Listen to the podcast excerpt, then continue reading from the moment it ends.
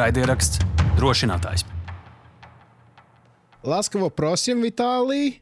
Дякую, дякую. Відразу перепрошую за незнання української мови, але постараюся. Ви знаєте, маленька ремарка така: краще будете спілкуватися повільно українською мовою, ніж мовою ворога. Проте, щоб слухачі краще зрозуміли мої слова, мої наступні запитання озвучуватиме україномовна колега. Наскільки я розумію, зараз Наскільки я розумію, зараз я спілкуюся з людиною, яка входить не тільки в сотню найкращих кухарів України, але й у сотню найкращих піцейоло світу. Крім того, вам належить кілька українських рекордів у сфері гастрономії. Про це ми поговоримо трошки пізніше. Зараз, будь ласка, представтеся латвійським слухачам, що ми повинні знати про вас. знаєте про вас. Е, Вітаю, мене звати Віталій Колошець. Е, Я професійний піцамайстер і шеф-кухар. Розвиваюся в Україні, е, працюю в Україні. Е, Довгий час жив в Італії, е, займаючись піцею, працюючи в кулінарії, але з 16-го року вже живу в Україні і допом- стараюся допомагати своїй армії. Е, Зараз активно волонтерю, е, створив за власний кошт е, проект для військових і годую, е, підтримуючи бойовий дух, годую військових піцею в прифронтових е, зонах. Я хотів з вами У мене виникло бажання поспілкуватися з вами після того, як я прочитав новину про те, що ви створили спецпроект Military Chief. Зробили спеціальне обладнання, щоб можна було возити піцу на фронт. Розкажіть про це, що це таке, як виникла ця ідея. виникла ідея. З е, початком повномасштабного вторгнення Росії в Україну російської армії е, всіх був шок, і кожен шукав своє місце.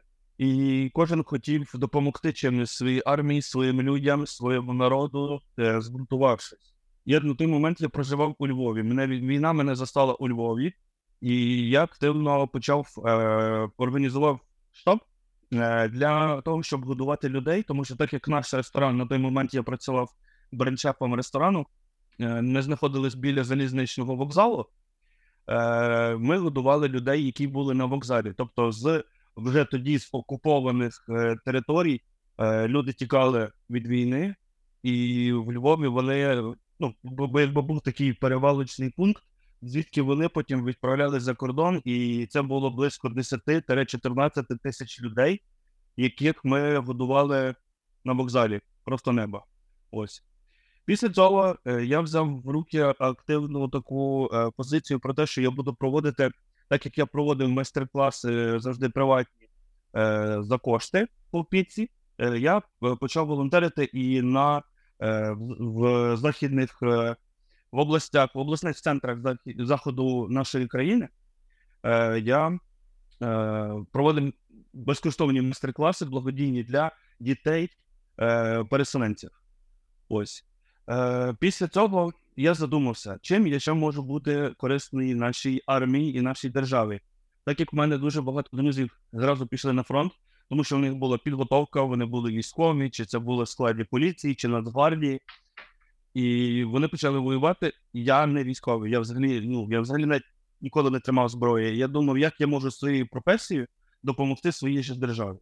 У мене тоді прийшла ідея, що я можу взяти цю піцу. Я, собі, я тоді собі думав, як я можу піцею годувати військових. І тоді я підв'язав кілька компаній. Е, Одна з таких компаній називається Open Fire. Е, Це компанія, яка виробляє печі для піци. І ми з ними зробили таку, е, такий experience. Ми зробили піч на колесах, на причепі. І це дало мені, дало мені можливість, дало мобільність, що я зможу в будь-якій точці країни, незалежно від того, чи, чи, чи є світло, чи нема, чи є електроенергія все рівно. В мене є тісто, яке я можу замішати руками. І в мене є піч, які я можу взяти продукти і в печі ви- випекти будь-якій точці е, країни, можу зробити піцу. Ем, і так, так, так і сталося. Я потестив проект цей в, е, в Києві, е, в деяких частинах, ось, і ще в деяких місцях, про які мені поки що не можна говорити. Це все після війни буде дуже цікаво розказати. Ось. І зараз активно готуюся. Е, ну, так як е, я цей проект повністю створений за власний кошт. Тобто, все я купив, е, я купив бус за власний кошт, інвентар, повністю все обладнання і піч. Ось е, звернувся до компанії Метро, і вони мені е, видали щомі- щомісячний такий е, абонемент е, в кілька тисяч гривень, е, ну, на місце якого я можу брати продукти для того, щоб приготувати піцу. Ось це частково покриває якби е, всі витрати. Щоб разоп... Щоб розпочати цей проект, потрібно було провести попередню роботу. Розкажіть про піч для піци на колесах і опишіть її, будь ласка, нашим слухачам. нашим слухачам. Е, Надихнувся я е, цією пічкою, е, побачивши е, в, в Італії є е, компанія, яка виготовляє печі для піци. Я побачив, що вони готують такі печі на колесах. Ось, звернувшись в компанію Open я запитав, чи можете мені зробити щось схоже. Вони кажуть, так, можемо. Але ми переобладнали піч і зробили її так на прицепі, що я можу їздити в далекі поїздки. Там є місце для дров, дровниця, там є, я причепив там прапор, прапор, який зі мною ще з 18-го року. Ось, завжди зі мною, наш український стяг. Е, і після цього ми почали модифікувати. Ми зробили кучу правок, е, по-іншому розмістили саму конструкцію для того, щоб вона була більш ефективніша. Ось. І, і все вийшло класно. Плюс зробили її в такому е, кольорі хакі. І це досить, прикольна штука вийшла. Проект вже е, потестив. Вже якби ми розуміємо, що, що я можу. Ми розуміємо, що може сам проект, скільки чого випікати. Тепер тільки залишається поїхати. І в мене скоро буде заїзд на тисячу піц. Е, Це такий е, тестовий заїзд по лінії фронту, де я буду годувати наших військових. Ось, якщо там де тисяча, там і 10 тисяч. І в мене мрія погодувати 10 тисяч військових. Ось, і це до весни я хочу втілити цю, цю свою мрію, таку ціль. Як близько до фронту? Як близько до фронту ви зможете поїхати? Взагалі я хочу максимально близько, але ж ви розумієте, що це не від мене залежить. Це є е, структури військові, які будуть давати дозвіл на це. Тому що, ну, по-перше, м, був такий жарт від одного е, командира батальйону, що мою пічку е, видно буде в тепловізор з Москви. Тому дуже близько не вийде, але я хочу максимально близько для того, щоб максимальну кількість е, військових погодувати, саме ті, які в окопах ведуть максимально позиційну війну і активні бойові дії, для того, щоб е, підбадьорити їх і показати їм, що Україна з вами, що є люди, які хочуть допомагати вам і будуть допомагати вам. На фото видно На світлинах видно, що це класична італійська піч для піци, яка поставлена на спеціальний причеп. Так? Так, так, так, саме так. Тобто, е, це, по суті, це є звичайна неаполітанська піца, пічка, е, яка стоїть в ресторані, але вона зроблена таким способом, що вона е, зроблена на прицепі, який причепляється до мікроавтобуса, і е, можна з нею рухатись. Тобто пічка зроблена такою конструкцією, що вона е, не всипеться, що вона не, не може зламатися, навіть коли ми е, рухаємося в на великій, вел- великій дистанції. Тобто там 100, 200, 500 тисяч кілометрів. Нормально, все, вона все, все витримає. А як е, щодо сировин? А як щодо Гурмани сировини? кажуть, Гурмани е, кажуть, що справжня неаполітанська справжня піца неаполітан- може бути лише з італійської цибулі та томатів.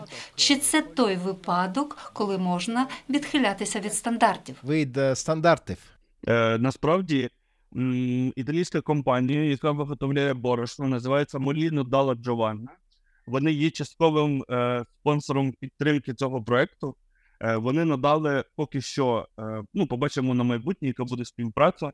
Е, поки що вони надали тисячу кілограм борошна свого елітного борошна для того, щоб ми могли готувати, щоб я міг готувати для військових е, саме піцу правильну, саме піцу з італійського борошна. Також я використовую справжні італійські томати, е, ну і моцарелу українського виробництва. Ось щодо меню е, для військових, то це буде залежати все від того, куди я поїду, наскільки і як далеко.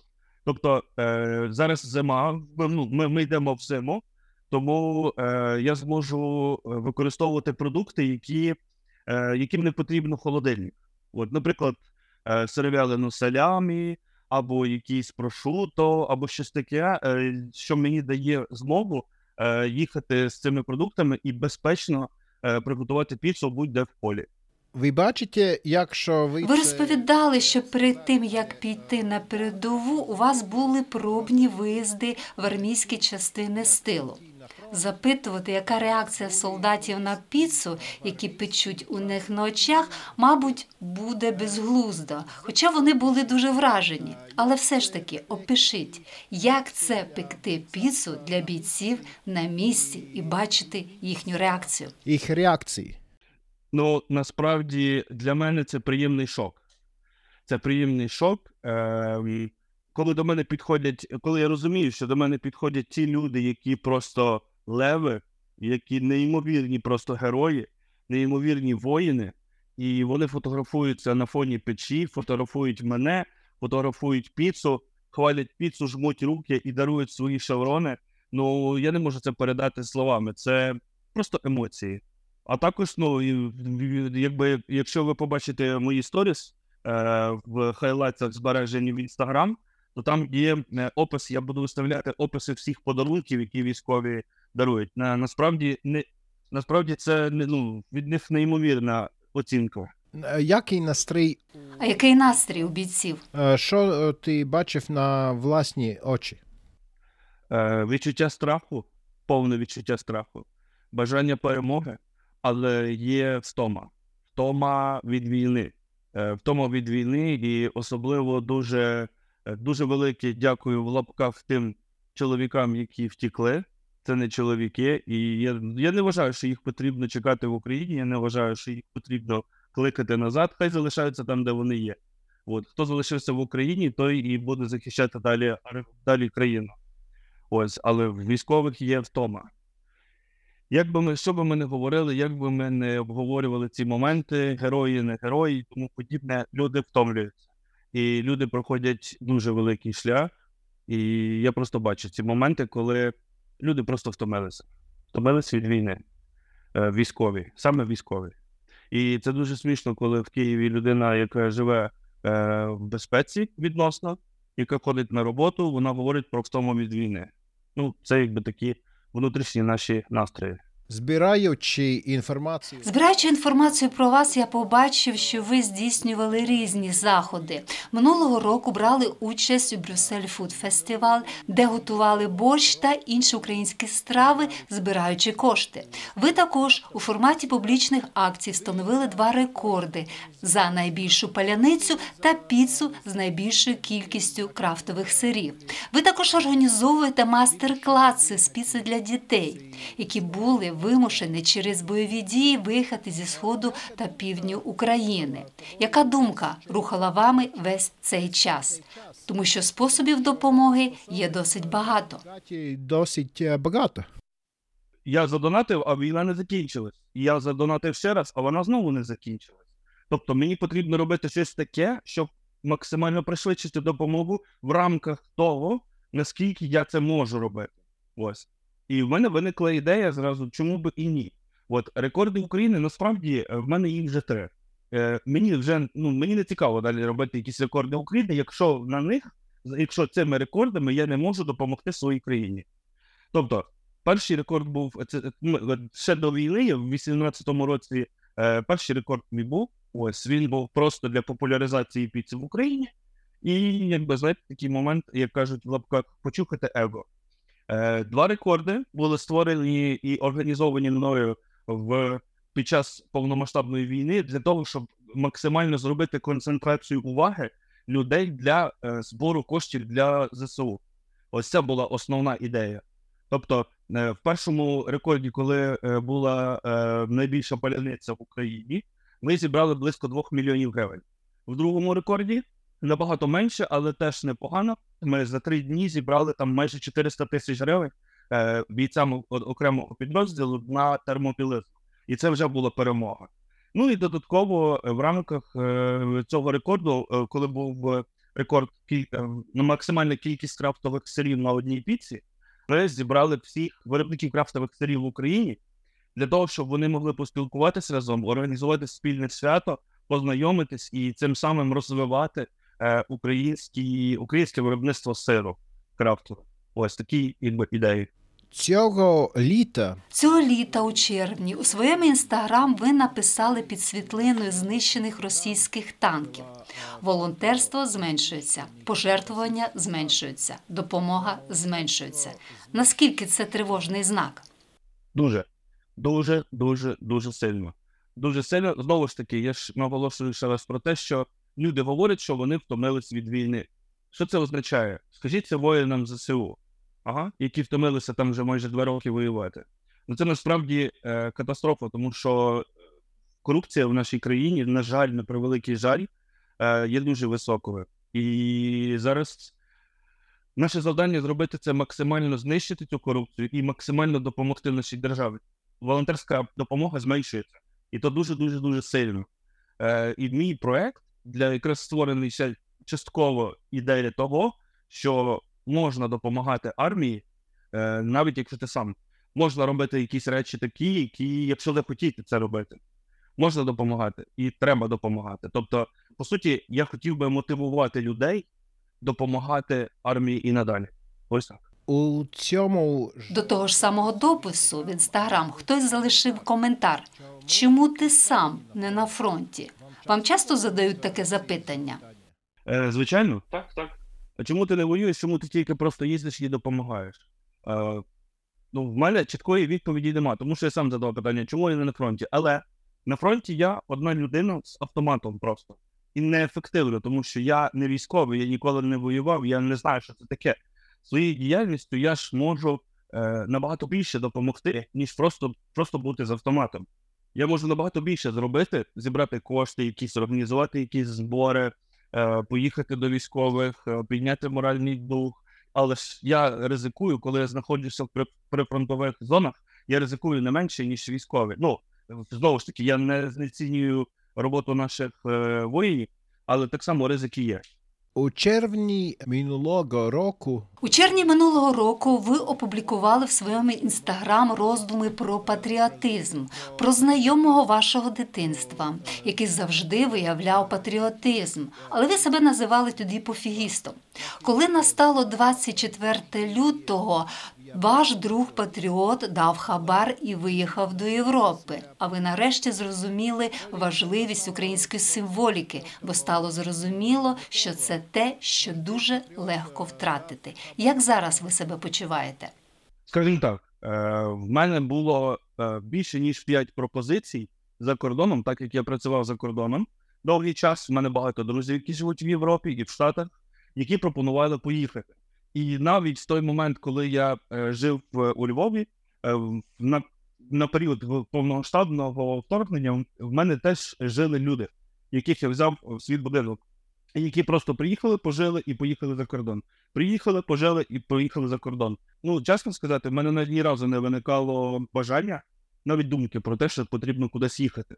Е, наоборот, бажання бути тут, тому що ну ось ось і настав історичний момент, нарешті, починаючи від 1165 року, нарешті дати по зубам нашому ворогу і розбити його вщент, щоб наша держава стала незалежною, самостійною і гордістю, починаючи з Київської Русі.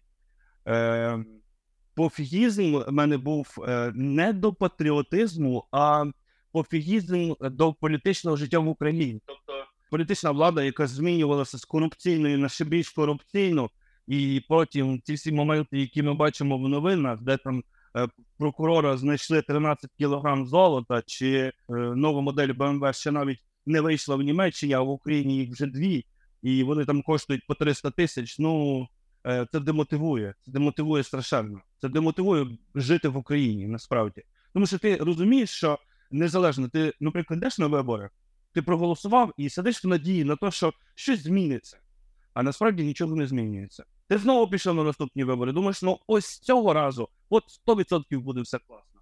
Ти піш проголосував, а знову нічого не змінюється. І третій раз ти вже не хочеш йти вибори. А насправді, насправді, треба було задуматись про те, що не хтось має змінювати твоє життя, а ти сам змінюєш своє життя, і ти є частиною того, що зможе змінити країну. І ну це ж круто. Це ж такий, насправді, це е, трошки е, гріхом сказати такі речі, але нарешті настав неймовірно крутий момент, е, коли ми можемо стати максимально незалежними від е, російського рабства своєрідного, тому що незамітно ця держава е, залізла в наше життя і настільки сильно, що зробила максимально великий розкол суспільства. І за рахунок цього розколу е, почалася війна. Просто це було питання часу. І я ні в якому разі не покину свою державу навіть до тих пір, поки ми не, е, не переможемо повністю, поки не буде офіційна перемога, але ж потім в нас питання відбудови, і треба відбудовувати нашу країну і будувати наше майбутнє. Але ніхто за нас це не зробить. Це робота нас, тобто нас самих, українців. Ніхто не приїде. Ви не приїдете з Латвії до нас і скажете, давайте я вам допоможу все зробити. Ну, ви можете так зробити, але це не ваша справа, це наша справа. Це справа самих українців історично. І зараз такий момент, е, такий визначний момент, їхати, тікати кудись в Лондон, ходити там собі в спортзали, е, жити шикарним життям, пити коктейлі. В той момент, коли твої друзі помирають на фронті, ну я не вважаю це, це достойним, це недостойно. Я не вважаю такі вчинки достойним. І навіть якщо ви бачите можливість виїхати і втікти з країни, в мене було більше ніж достатньо, тому що я виїжджав за кордон з волонтерськими місіями, і так як ви зауважили, що я їздив на Брюссель, Брюссель Фуд Фестивал, е, ми могли просто навіть не приїжджати назад. Ми могли заробити грошей і з цими грошима поїхати куди нам треба. Але ні, так не працює. Ми виїжджали для того, щоб допомагати нашій державі, для того, щоб допомагати нашим людям. Тобто, це, ну, це основна ціль волонтерської діяльності. А, я так розумію. е, Я так розумію, що ви зараз живете в Києві, але ви з Черткова, який розташований на заході України, і де, якщо вірити Вікіпедії, у 2022 році проживало майже 30 тисяч людей. Чи це місто постраждало від війни? Або воно відчувало війну лише через те, що приймало людей, які були змушені туди переїхати? Переїхати. Ну насправді е, Чортків майже не постраждав за винятком військової частини, куди прилетів було кілька прильотів. Ось, але в Чорткові я вже не живу багато років. Я в 19-му році е, переїхав повністю жити до Львова. Я жив у Львові, і минулого року переїхав до Києва, тому що ну, все-таки в Львові це добре, але Львів зараз живе е, більш безпечній ситуації, ніж е, інші міста. І для того, щоб будувати, е, по суті, е, цей проект Military Chef спонукав мене до того, щоб переїхати в Київ. Е, Тому що в Києві е, більша концентрація ресурсів для того, щоб я міг це зробити, більша концентрація людей, які мені можуть допомогти ідеологічно чи е, якось доєднатися. Е, Так, тут знаходиться генштаб, з якого координатором буде е, мо- мо- моїм координатором буде людина, яка буде, буде говорити мені про безпечні маршрути в прифронтових зонах. А, ем, так, тому, тому так, Київ це поки що, е, Київ це те місто, де я проживаю. Ось. І планую поки що до кінця війни так точно жити тут. До речі, е, Ріги од- Між іншим, в Ризі одним із перших місць, окрім посольства, куди можна було піти і висловити слова підтримки людям, які приїхали з України, був pop-up -ресторан, де українки, які приїхали одразу після початку повномасштабної війни, почали готувати українські національні страви. Зараз у Ризі є кілька українських ресторанів. е, кілька українських ресторанів. країни Балтії, тобто Латвія, Литва і Естонія, це насправді країни-побратими. Це країни, і разом з Польщею е, в перші дні повномасштабного вторгнення підставили неймовірно сильне плече для нас. Ми це дуже цінимо насправді. Дуже цінимо. Це ну це для наших людей, для матерів, для дітей, які виїхали в втікаючи від ракет російських. Е, Це було дуже сильно цінно в той момент для нас. І те, як ви допомагаєте нам з мілітарною частиною, ну це, це ну, українці вам тільки говорять про це дякую, неймовірне дякую, тому що ну, тільки в біді познається, пізнається друг. Друг і брат пізнається в біді, і повірте, ми це точно не забудемо, і ми будемо вдячні завжди. Дуже. Ось. І в мене навіть е, в Латвії в Ризі і в Таліні в Естонії у мене є два запити на відкриття піцерій. Тобто люди хочуть, люди мене знайшли, які хочуть, щоб я приїхав і відкрив їм заклади. Я їм пообіцяв, що після війни я обов'язково приїду і зроблю їм найкращу піцу в Європі. Але поки що, якщо вони можуть допомогти нашій державі е, якимось чином, хай допомагають. Поки що ми воюємо. Після перемоги ми будемо святкувати всі разом. У будь-якому е, У всякому разі, багато моїх друзів чекають вашої перемоги, щоб поїхати в Україну. Але в мене є ще кілька останніх запитань. Ваше повсякденне життя проходить у сфері гостинності. Люди ходять в ресторани, щоб добре провести час, отримати задоволення, забутися. Чи в воєнний час ресторан не є місцем суперечливого відчуття? Я маю на увазі, з одного боку, ваші хлопці воюють на фронті, з іншого у ресторані веселяться люди. Ну, дивіться, давайте так, е, по порядку. Для чого воює наша армія? Для того, щоб цивільні люди могли далі жити. Я розглядаю ресторанний бізнес як сфера, яка підставляє дуже велике плече економіці України. Тобто, чим більший оборот е, податків, чим більше оборот коштів, більше податки, більше скріплюється і зміцнюється економіка. Е, якщо ми говоримо про здоровий бізнес в час війни, то це е, велика, ну, велика кількість е, робочих місць, які повинні платити податки офіційно. Це е, збори, е, астрономічні вечері, які проводять збори коштів для армії. Це е, концентрація е, допомоги. На, ну, як, як ви, може, ви знаєте, не знаєте, на початках війни ресторани це ті, хто підставили плече в плані приготування їжі для тероборони, ТРО, для е, блокпостів, для військових і дуже багато рестораторів, дуже багато кухарів, які зараз теж воюють. І ресторани не, ну, дуже це, це поширена, е, е, поширена інформація про те, що кожен ресторан вдягав своїх своїх кухарів, які йшли на фронт за власний кошт, допомагали. Так, є така, е, є в нас, на жаль, на жаль, на превеликий жаль. Я дуже вірю, що це зникне е, в майбутньому, коли ну, наші люди стануть більш свідомими. Е, Є в нас такі моменти, коли нічні клуби працюють, деякі в комендантську годину, які порушують, порушують закон. Але ну, ми ж не повинні на них рівнятися. Ми повинні робити свою роботу йти далі, і цим самим змінювати країну. Я надіюсь, що це все зникне в майбутньому, тому що я все-таки надіюсь на те, що наші люди стануть більш свідомими, більш розумними і більш патріотичними. це саме те, е, що я хотів. е, Я саме про це хотів запитати. Допускаю, що одна з речей, яких хотіла б досягти Росія, це щоб всі сиділи у підвалах, були залякані і плакали. Боялись і плакали. І ми не будемо сидіти в підвалах.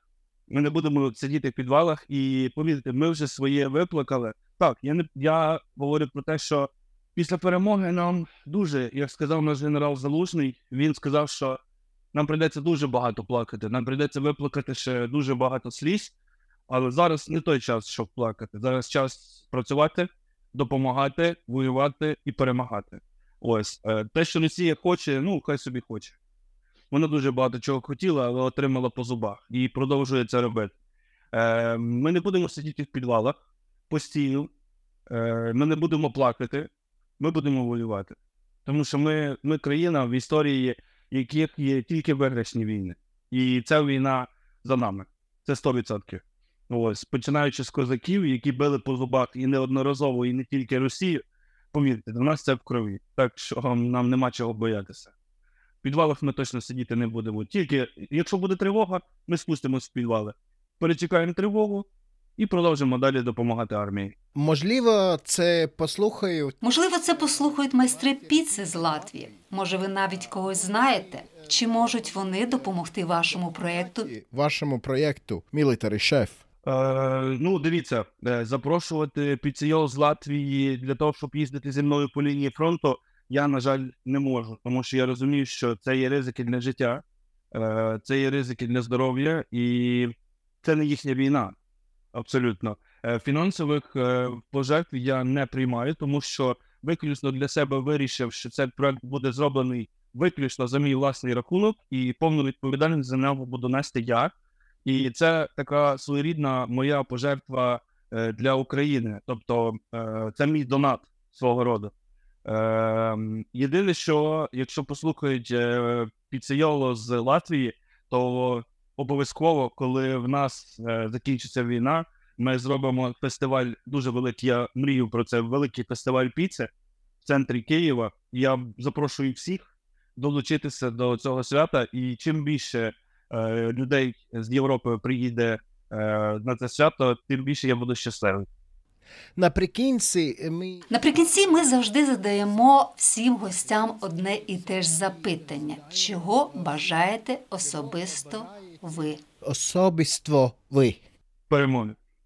Перемоги, перемоги, перемоги. Закінчення війни.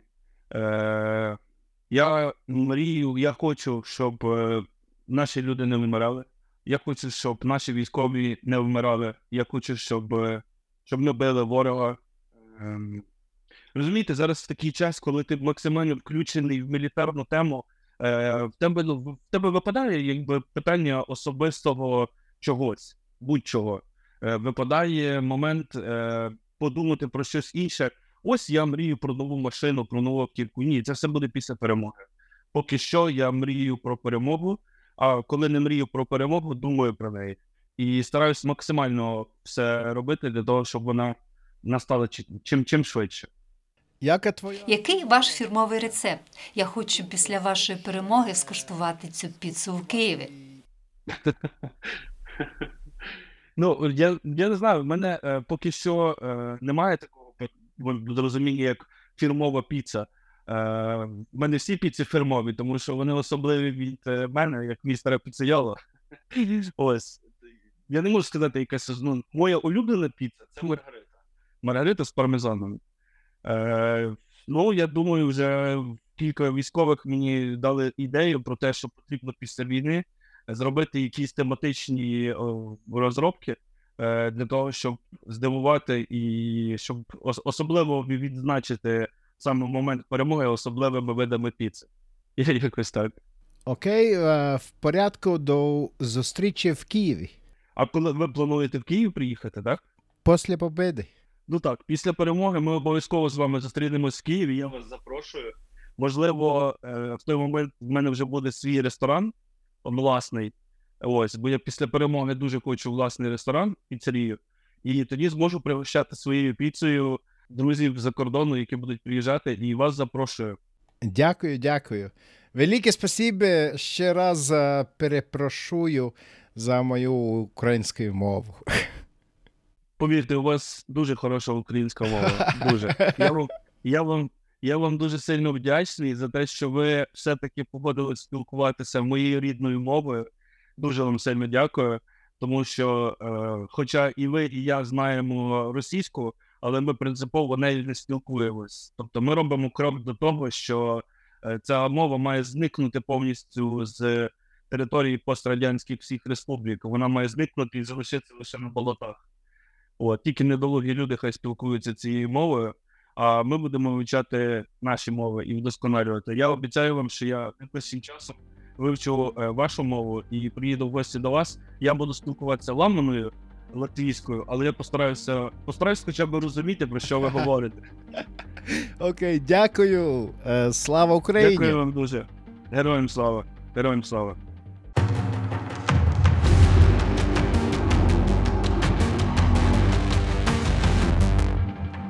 Raidieraksts drošinātājs.